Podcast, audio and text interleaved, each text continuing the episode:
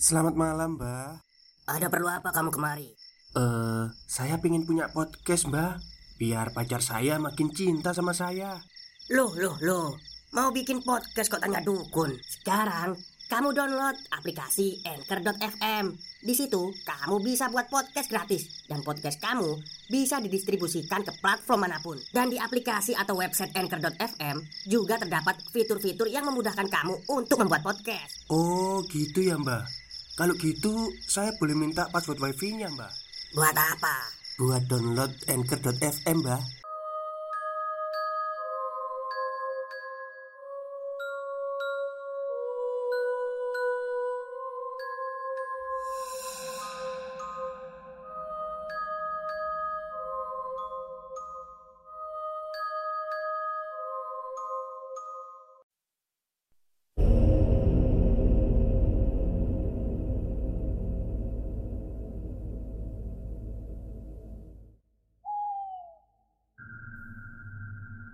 Assalamualaikum warahmatullahi wabarakatuh. Halo semuanya Jumpa lagi dengan saya Chow Sing Sing Kurator dari podcast Horror Night Story. Halo apa kabar semuanya? Semoga kalian semua sehat semua ya. Dan seperti biasa Pada hari Kamis ini saya kembali dan akan membawakan sebuah kisah mistis untuk kalian semua Kisah mistis kali ini saya dapatkan dari treat horornya Bon Kiong Yang menceritakan sebuah misteri rumah Milik rumah milik seorang juragan kaya gitu ya. Oke daripada kita berlama-lama Mari kita simak ceritanya Malam ini saya kembali ingin berbagi sebuah cerita yang saya dapatkan beberapa tahun yang lalu. Cerita ini diceritakan oleh ibu dari teman saya. Seperti biasa, untuk nama orang, jalan, dan instansi-instansi terkait akan saya samarkan. Oke, cerita berawal pada tahun 1995 di sebuah sudut perumahan di bagian timur Bekasi terdapat sebuah rumah besar yang dihuni oleh sebuah keluarga beranggotakan tiga orang inti dan dua anggota pelengkap: ayah, ibu, dan putri mereka yang masih berusia lima tahun, serta dua asisten rumah tangga. Sang ayah memiliki sebuah perusahaan percetakan yang cukup besar pada masa itu. Beberapa klien besar berhasil dirangkulnya mulai dari klien yang bergerak di industri makanan sampai yang berkecimpung dalam bidang manufaktur. Namun, pada penghujung tahun itu, entah bagaimana kronologi kejadiannya, perusahaannya mengalami kebangkrutan yang memaksanya menjual sebagian besar saham-saham miliknya. Tidak hanya itu, kejadian demi kejadian yang tragis pun menimpa keluarga itu. Mulai dari yang meninggalnya salah satu asisten rumah tangga secara tidak wajar Yang kemudian digantikan oleh asisten rumah tangga yang baru Sampai sang istri yang tiba-tiba mengidap penyakit yang cukup aneh Hingga akhirnya menghembuskan nafas terakhirnya beberapa bulan kemudian Cerita yang akan saya tuliskan kembali Bukan cerita tentang apa yang menimpa keluarga itu namun, kejadian-kejadian aneh selepas kepergian mereka dari rumah yang mereka tinggalkan begitu saja pada akhirnya. Oke, tanpa panjang lebar lagi, mari kita mulai ceritanya. Oh, ini tadi pembukaannya ternyata. Sepeninggal istrinya di akhir tahun 1995, Pak Surya memutuskan untuk pindah dari rumah yang telah ditempatinya selama 8 tahun. Ia tak lagi memiliki hasrat untuk mengarungi derasnya ombak ibu kota dan berniat kembali ke kampung halamannya, memulai hidup baru bersama putri tercintanya. Mengingat banyaknya kenangan yang telah dibangunnya bersama keluarga kecilnya itu Membuat Pak Surya merasa sayang untuk menjual rumah itu. Sekalipun di sisi lain Kenangan-kenangan pahit di akhir tahun itu masih membekas dalam benaknya. Sebelum berpulang ke kampung halamannya Pak Surya menitipkan rumah itu kepada salah satu orang kepercayaannya yang tinggal beberapa gang dari rumahnya. Sebut saja namanya Pak Darso. Pak Darso merupakan salah seorang karyawan di perusahaan percetakan milik Pak Surya. Berbekal latar belakang pendidikan yang hanya lulusan SD kala itu dan pengalaman kerja sebatas tukang bersih-bersih percetakan membuat Pak Darso kesulitan mencari pekerjaan lain yang lebih baik. Membuat Pak Darso tidak memiliki pilihan lain selain menjaga rumah peninggalan Pak Suryo itu dengan janji upah sebesar 50 ribu seminggu dan sembako bulanan rutin kala itu. Tentu saja, hal ini membuat Pak Darso merasa senang luar biasa dengan tawaran dari Pak Surya. Tanpa ia sadari hal apa yang akan dihadapinya. Lima bulan sejak kepergian Pak Surya kembali ke kampung halamannya. Pak Daso secara rutin tiga kali dalam seminggu datang ke rumah itu Membersihkan dan merapikan tanaman Kadang bahkan dengan uang upah yang cukup lumayan Pak Darso menyisihkan sebagian Untuk membeli cat tembok Dan mengecatnya sendiri. Pak Darso ini memiliki seorang putri berusia 16 tahun Dahlia namanya. Dia sering sekali ikut membantu Pak Darso membersihkan rumah tersebut di akhir pekan Terkadang bahkan di saat Pak Darso tidak sempat datang ke rumah itu. Dahlialah yang menggantikan ayahnya membersihkan rumah itu. Sayangnya Minggu sebelumnya mereka sama sekali tidak sempat untuk mengunjungi rumah titipan Pak Surya. Karena mereka harus berpulang ke kampung halaman Mengunjungi orang tua Pak Darso Sepulang dari kampung halaman, minggu ini barulah mereka berniat kembali mengunjungi rumah itu. Namun aneh, siang itu Pak Darso dan Dahlia menemukan hal yang tidak biasa. Banyak jejak anak kecil di ubin teras depan rumah, jejak kaki tepatnya. Masih dengan pikiran yang positif Pak Darso pun langsung berlari ke arah pintu samping rumah yang berbatasan dengan tanah kosong di sebelahnya. Khawatir jika ada kaca jendela yang pecah terkena bola dari arah tanah kosong itu. Memang, tanah kosong di samping rumah Pak Surya selalu digunakan oleh anak-anak kecil di perumahan itu sebagai tempat bermain kadang sepak bola, kadang perang-perangan, atau bahkan kadang bola gebok. Dilihatnya satu persatu jendela samping rumah, namun tidak ada bekas pecahan di sana, atau bahkan jejak bola yang menempel di tembok. Ah, alhamdulillah, untung gak ada yang pecah. Ucap Pak Darso lega. Dia pun kembali ke arah pintu depan rumah. Sesampainya di pintu depan Pak Darso tidak menemukan putrinya Dahlia. Ditengoknya sekeliling tapi tak ada tanda-tanda keberadaan Dahlia. Lia Lia.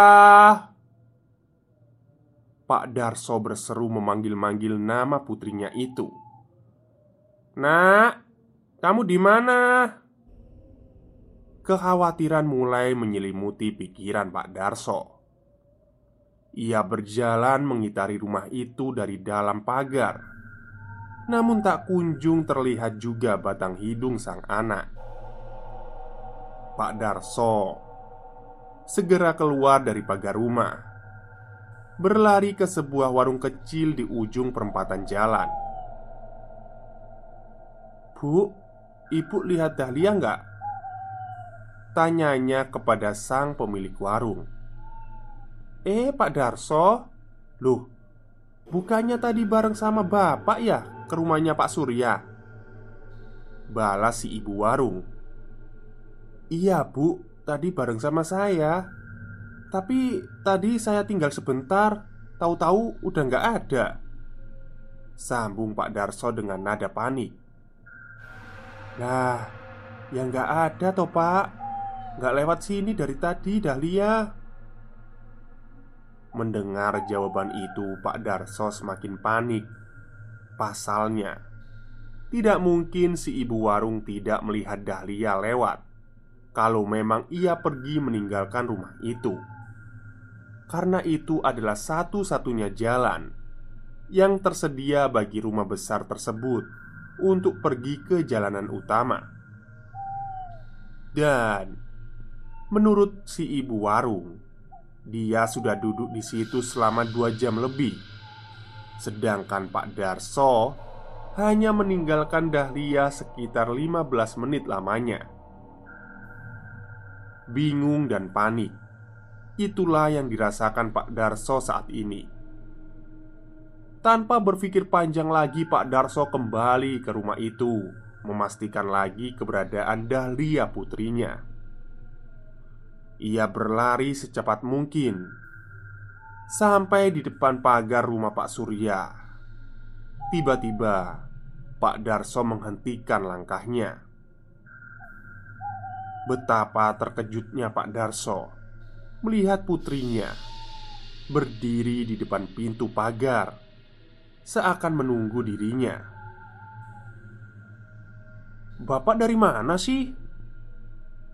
Tanya Dahlia dengan nada sedikit meninggi Seolah-olah kesal karena merasa ditinggal Kamu Pak Darso terbata Kamu dari mana nak? Tanya Pak Darso bingung Uh, aku itu dari tadi di sini pak Pak Darso semakin bingung Mendengar jawaban Dahlia namun, apa yang dikatakan apa yang dikatakan putrinya berikutnya semakin membuat Pak Darso tak bisa berkata apa-apa. Aku tuh dari tadi nungguin bapak nggak balik-balik. Akhirnya aku susul ke samping rumah, tapi bapak nggak ada. Emang bapak ke mana tadi? Tanya Dahlia yang terdengar masih sedikit kesal. Pak Darso hanya terdiam. Ia mencoba menemukan alasan yang logis dari kejadian itu. "Pak, Pak!" Dahlia yang melihat ayahnya terdiam mematung seolah mengerti ada hal yang tidak beres baru saja menimpa ayahnya itu. "Pak, kita pulang aja yuk."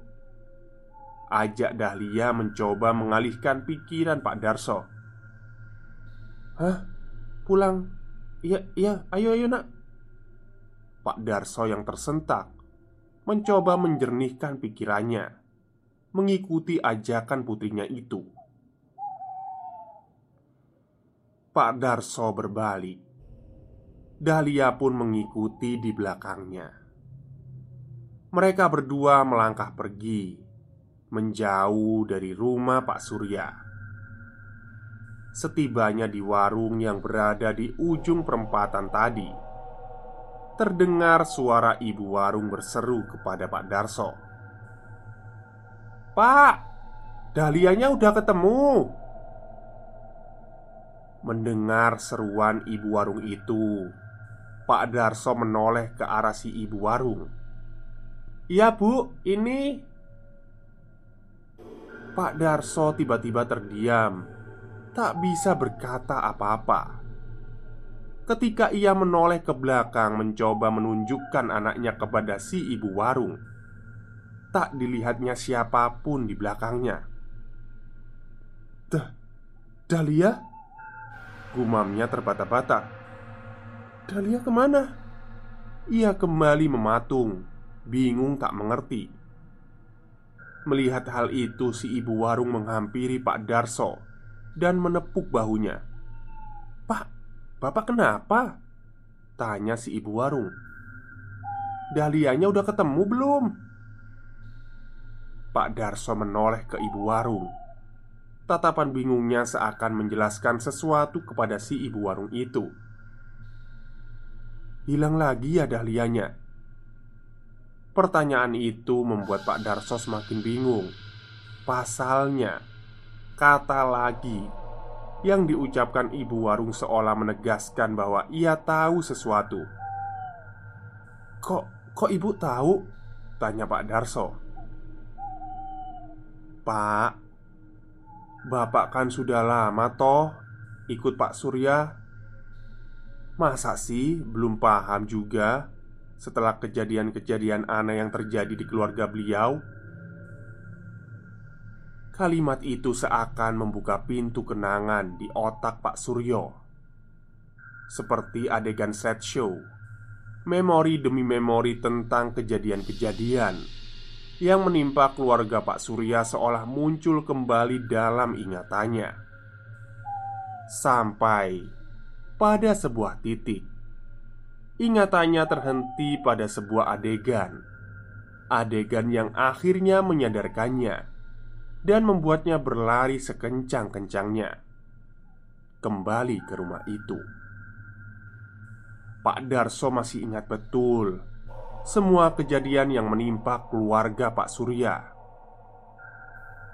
Tragedi-tragedi itu masih hangat dalam ingatannya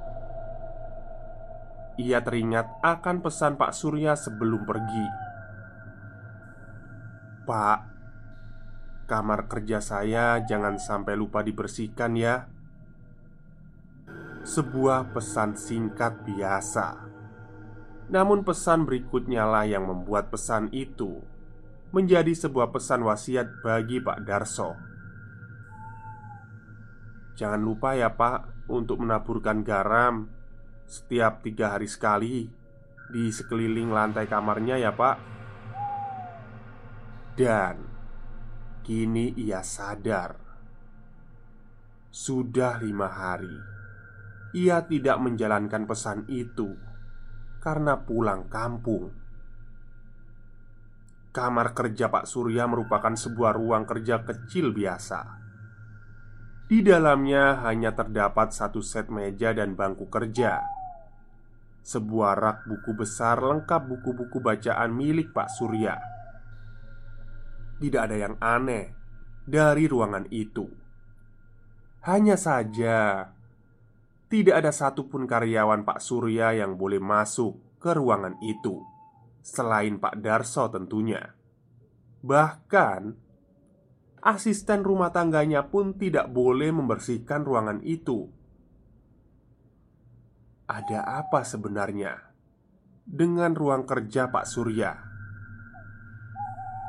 Sesampainya di depan rumah, Pak Darso menghentikan langkahnya. Ia menarik nafas dalam-dalam dan menghembuskannya panjang, mencoba menenangkan degupan jantungnya yang sangat cepat. Ia pun mulai kembali melangkahkan kakinya selangkah demi selangkah menuju pintu depan. Pak Darso merogoh kunci pintu di kantung kanan celananya, memasukkannya ke slot pintu dan membukanya perlahan.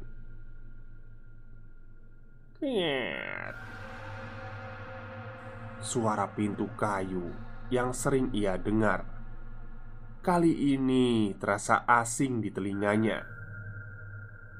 Perasaannya aneh. Tekanan udara di rumah itu seakan menurun drastis, membuat Pak Darso sedikit sulit bernafas. Diperhatikannya sekeliling, tidak ada yang aneh. Namun, suasana ruang tamu di rumah itu agak berbeda hari ini. Sedikit lebih mencekam. Langkah demi langkah ditapakannya. Pak Darso kini mulai memasuki ruang tengah dari rumah itu.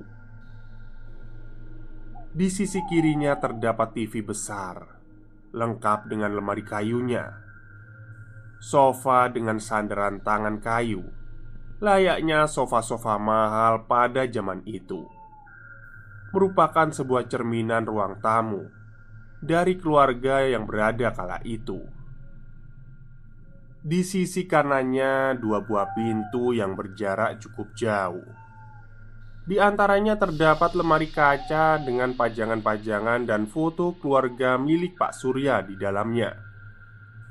Pintu pertama merupakan pintu dari kamar mandi untuk tamu yang datang berkunjung, sedangkan pintu berikutnya adalah kamar tidur untuk tamu yang menginap, lengkap dengan kamar mandinya. Pak Darso melangkah masuk lebih dalam sambil memperhatikan sekeliling. Tidak ada yang aneh. Melewati area itu, sebuah meja makan besar dengan enam bangku yang tertata rapi melintang di tengah dapur yang dilengkapi dengan kitchen set zaman itu. Di antara dapur dan ruang TV berjajar Jendela-jendela besar dengan pemandangan halaman samping yang berbatasan dengan tanah kosong. Pak Darso pun menoleh ke kanan, menghadap sebuah anak tangga menuju ke lantai dua. Di sinilah sebuah keanehan terjadi.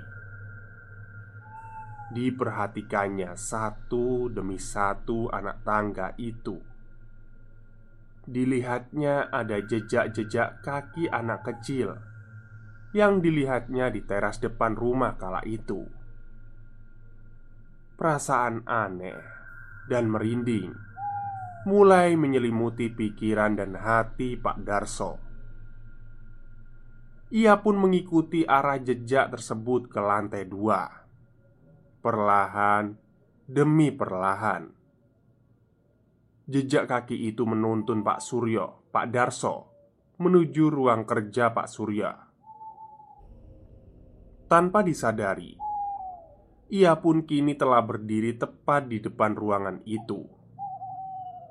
Pak Darso mengangkat tangannya perlahan, mencoba meraih kenop pintunya. Tok, tok, tok. Belum sempat ia menyentuh kenop pintu Tiba-tiba saja terdengar suara ketukan Dari dalam ruangan itu Pak Tarso yang terkejut. Segera berbalik Mencoba berlari. Namun Setelah baru dua langkah Ia berhenti. Pak Darso kembali membalikkan badannya. Sambil mencoba menguatkan diri dan menghiraukan rasa takutnya. Ia pun kembali mendekati ruangan itu, tapi tok, tok, tok.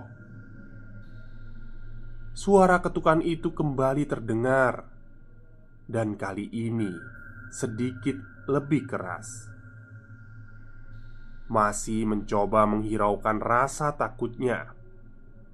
Pak Darso terus mendekati ruangan itu sampai tok, tok, tok. Bapak, bapak, bapak buka, pak.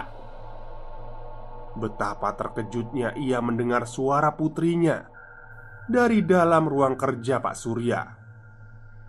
Tanpa berpikir panjang, ia pun segera meraih gagang pintu dan membukanya. Dilihatnya Dahlia tersungkur di sisi sebaliknya Matanya sembab berlinang penuh air mata Kamu dari mana aja nak? Tanyanya sambil menghampiri Dan memeluk putri kesayangannya itu. Kamu gak apa-apa nak? Dilihatnya wajah putrinya yang memerah. Kelelahan menangis. Lia, Lia Sambil terbata-bata Dahlia mencoba berbicara. Bapak Udah, udah, nggak apa-apa nak.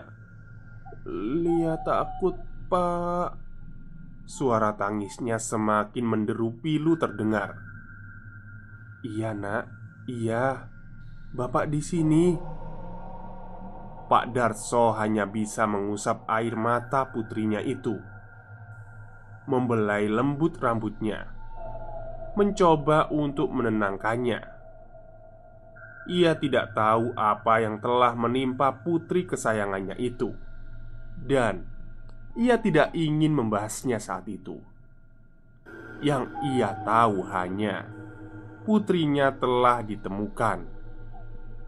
Mereka pun segera beranjak pergi meninggalkan rumah Pak Surya tanpa sepatah kata pun membahas tentang kejadian barusan. Dahlia terlihat sedikit trauma dan terguncang, dan Pak Darso pun seakan menghindar untuk menanyakan sampai di ujung perampatan di warung itu lagi. "Pak, Pak!" Suara ibu warung kembali terdengar di telinga Pak Darso. Kali ini ia mencoba tidak menggubris suara itu Khawatir muncul pertanyaan-pertanyaan Yang bisa membuat putrinya kembali terguncang. Pak, ya elah si bapak. Suara itu pun menghampiri mereka. Tak begitu lama Si ibu warung sudah berdiri di depan mereka berdua. Ini pak, minum dulu.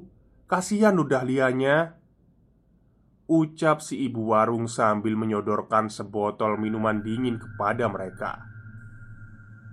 Merasa tidak sopan bila ditolak Pak Darso pun menerimanya. Iya bu, terima kasih banyak. Pak Darso pun mengambil botol minum itu dan memberikannya kepada Dahlia. Mari pak Duduk dulu saja di warung saya Kasihan toh kalau Dahlia masih harus berjalan ke rumahnya dengan kondisi seperti itu. Mengingat kondisi putrinya yang masih terpukul Pak Darso pun mengikuti si ibu ke warungnya. Mereka pun duduk pada sebuah bangku kayu panjang Yang memang disediakannya untuk para pembeli di warung itu Dahlia terlihat masih terdiam tidak bicara. Saya Darmina pak. Pak Darso menoleh kepada si ibu. Tapi orang-orang sini sih manggil saya Bu Min. Ya biar gampang gitu.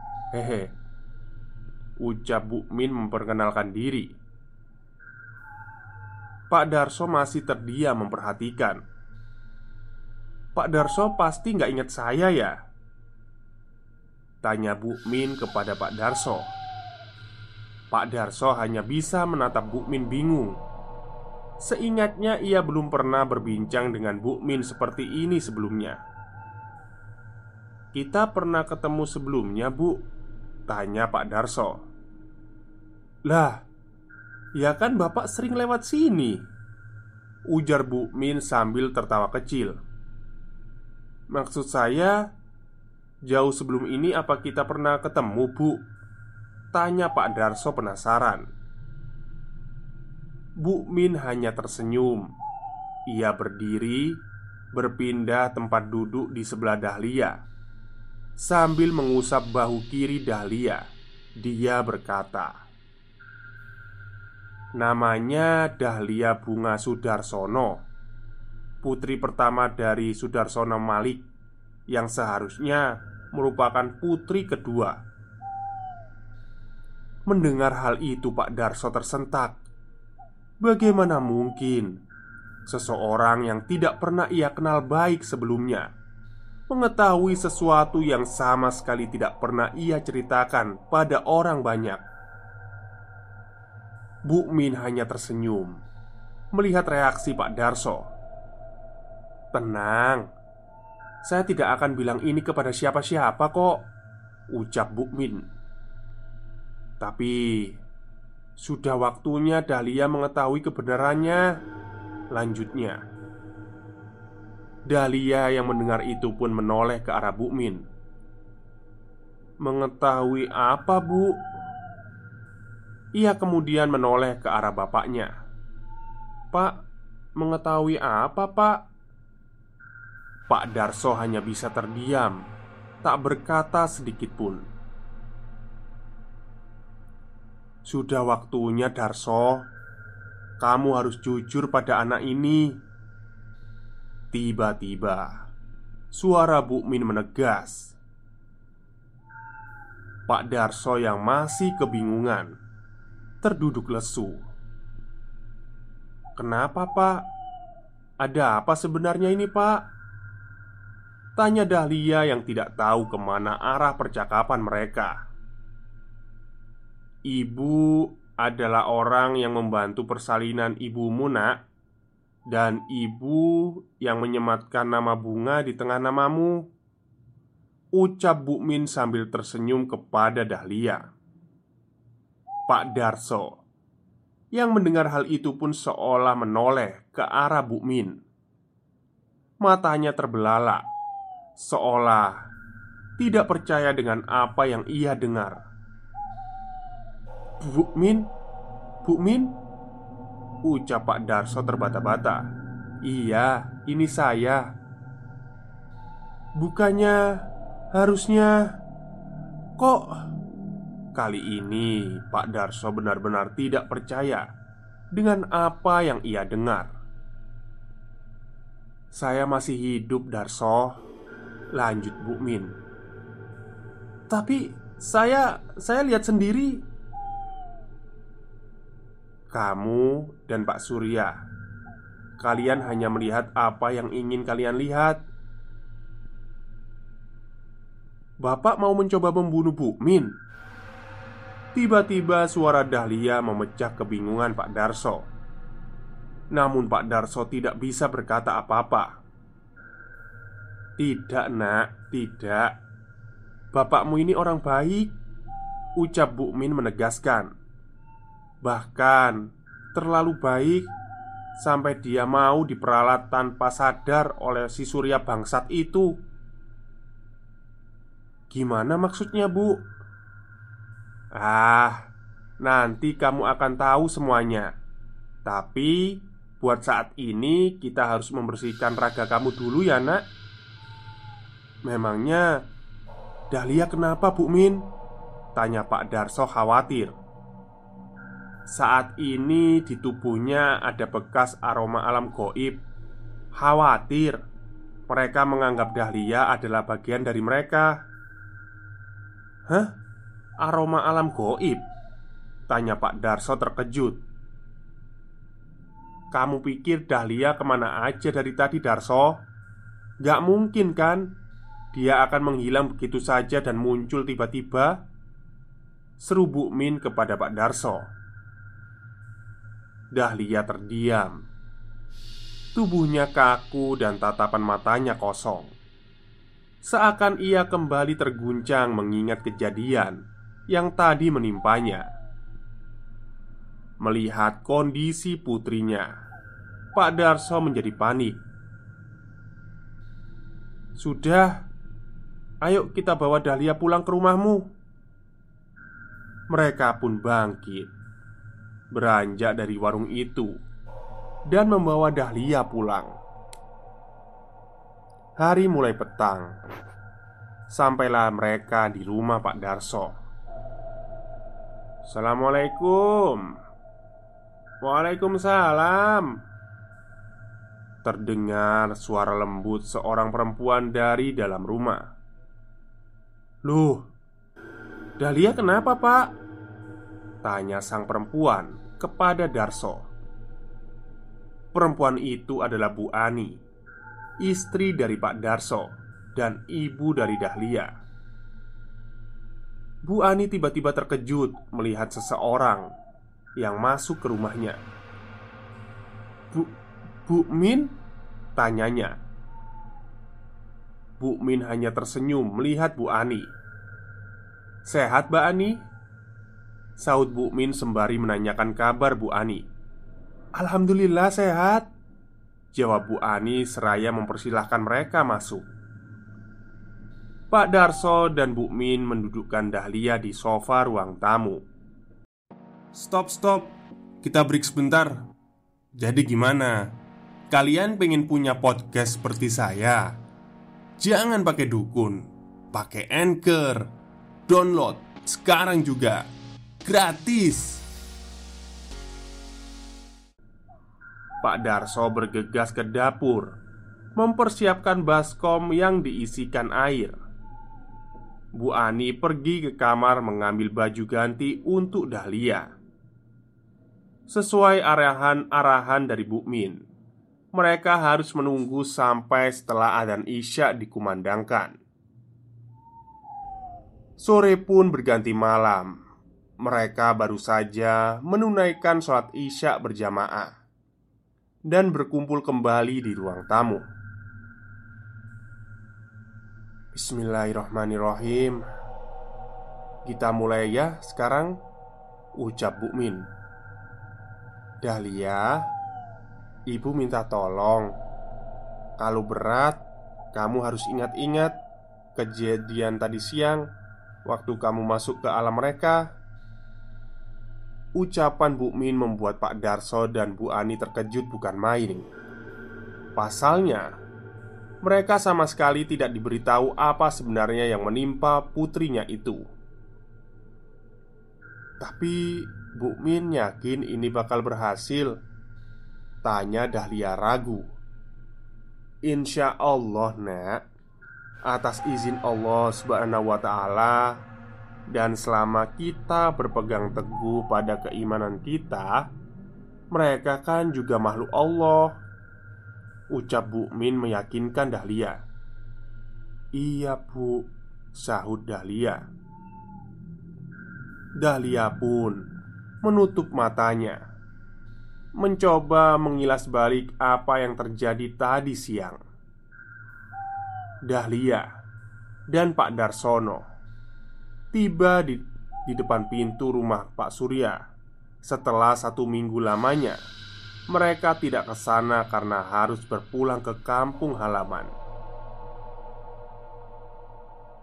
Baik, mungkin itu dulu ya cerita dari jejak yang ditulis oleh Bon Kiong untuk bagian keduanya besok siang saya akan menceritakannya kembali karena seperti biasa cerita ini panjang ya.